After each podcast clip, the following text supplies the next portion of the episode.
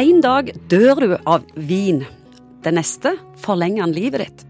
Hver dag blir vi angrepet fra alle kanter, radio, TV, nett, med dommedagsprofetier om mat og helse, økonomi, naturkatastrofer og terror.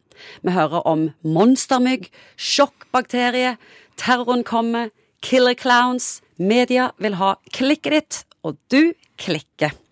Psykolog Egon Hagen, hva gjør dette med oss? Medias himmel og helvete? Ja, det kan du si. Det er et godt spørsmål. Det er vel et gammelt ordtak som hvis du roper ulv, ulv lenge nok, til slutt så er det ingen som reagerer, og så må du liksom bruke sterkere og sterkere virkemidler for å få folk til å stoppe opp akkurat på den annonsen eller klikke der. Og media har jo møtt masse svære utfordringer i forhold til å holde på folk og lyttere eller lesere. Og Det gjør jo på en måte at du får denne enormt kontrastfylte, egentlig sort-hvitt-aktige beskrivelse av virkeligheten, som på mange måter er veldig annerledes enn det jeg forsøker egentlig å gjøre i min jobb, nemlig å hjelpe folk å nyansere, finne balanser, ja, bli mykere i forhold til å håndtere de utfordringene, måter å oppfatte verden på.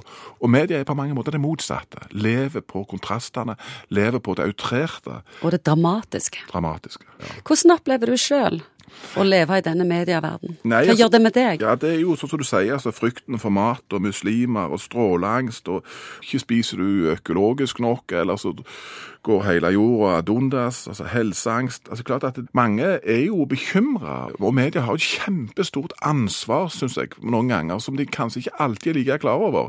Fordi at uh, lysten på å selge, lysten på lyttere og, og tilskuere er sterkere. Og så framstiller en dette virkelighetsbildet som er så sort-hvitt-aktig og tabloid, og som driver så mange angster hos folk. Det jeg sjøl opplever, det er jo når du leser dramatiske, grusomme ting. Du blir nummen. Ja, og det er jo, Jeg orker ikke ta det inn. Ja, ja. Nei, akkurat. Og det, det jeg sier, at det der nødvendigheten av å gå i sånn protect mode, med rett og slett skru igjen det filteret, eller det bullshit-filteret går tett, til slutten så føler en seg kanskje litt, nesten litt avstumpa. Ja, det er forferdelige ting. Unger som dør, og så bare blar du videre, eller scroller videre uten å tenke noe mer over det. For det går ikke an å ta inn. Nei, det er sant, og det, jeg tror det er nødvendig faktisk. Én ting er at det er det enorme mediepresset og det behovet for å selge, som vi har snakket om.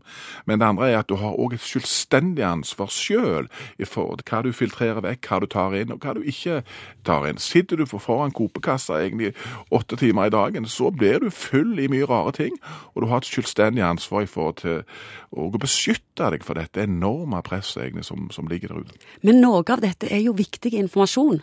Får vi med oss det viktige, eller drukner det i dette, denne himmelen og dette helvete? Ja, jeg vet du, Hvis du har hørt nyhetene én gang i løpet av en dag, så har du liksom fått med deg highlights. Da. Du trenger kanskje ikke høre det 15 ganger eller 20 ganger uh, om dagen, syns nå jeg. Nyere undersøkelser viser at 10% av oss unngår nyheter helt. Og mest kvinner gjør dette. Hvordan tolker du det? Nei, Det er vel et forsøk faktisk på å beskytte seg. At det, en føler at det er overveldende, og, og det blir vanskelig følelsesmessig å relatere seg til Når du får verdens elendighet presentert på den måten fra alle verdenshjørner, så er det nok en del som går i sånn rett og slett beskyttelsesmodus. Hvor avgjørende er det hva vi tar inn? Altså Det som kommer inn, det påvirker oss. Det, det som tegner hele den psykologiske tilstandsbildet du befinner deg i. Du har et ansvar i forhold til hva du slipper inn, og skjønner at hvis du tillater at du blir overskylt liksom av elendighet og disse litt tabloide framstillingene av virkeligheten, så vil det gjøre noe òg med, med den psykologiske tilstanden som du faktisk befinner deg i. Hvordan navigerer du sjøl i nyhetsbildet? Ja, jeg er ganske sånn rå på det greiene, for at jeg ikke har, ikke har jeg TV. Sant? Nei, men jeg elsker å se filmer, så jeg har en skjerm, kan du se, men den er kobla på nettet. Så jeg, så jeg styrer dette veldig sjøl. Og det tror jeg kanskje det kan være en løsning i forhold til å håndtere alt dette. Selvfølgelig så er det jo utfordringer knytta til det òg. Kanskje bare leter du etter de samme tingene hele veien, og så får du ikke anledning til å få brynt forestillingene dine. Så det er noe med alt. Det er no free lunch, heller ikke i forhold til å håndtere media.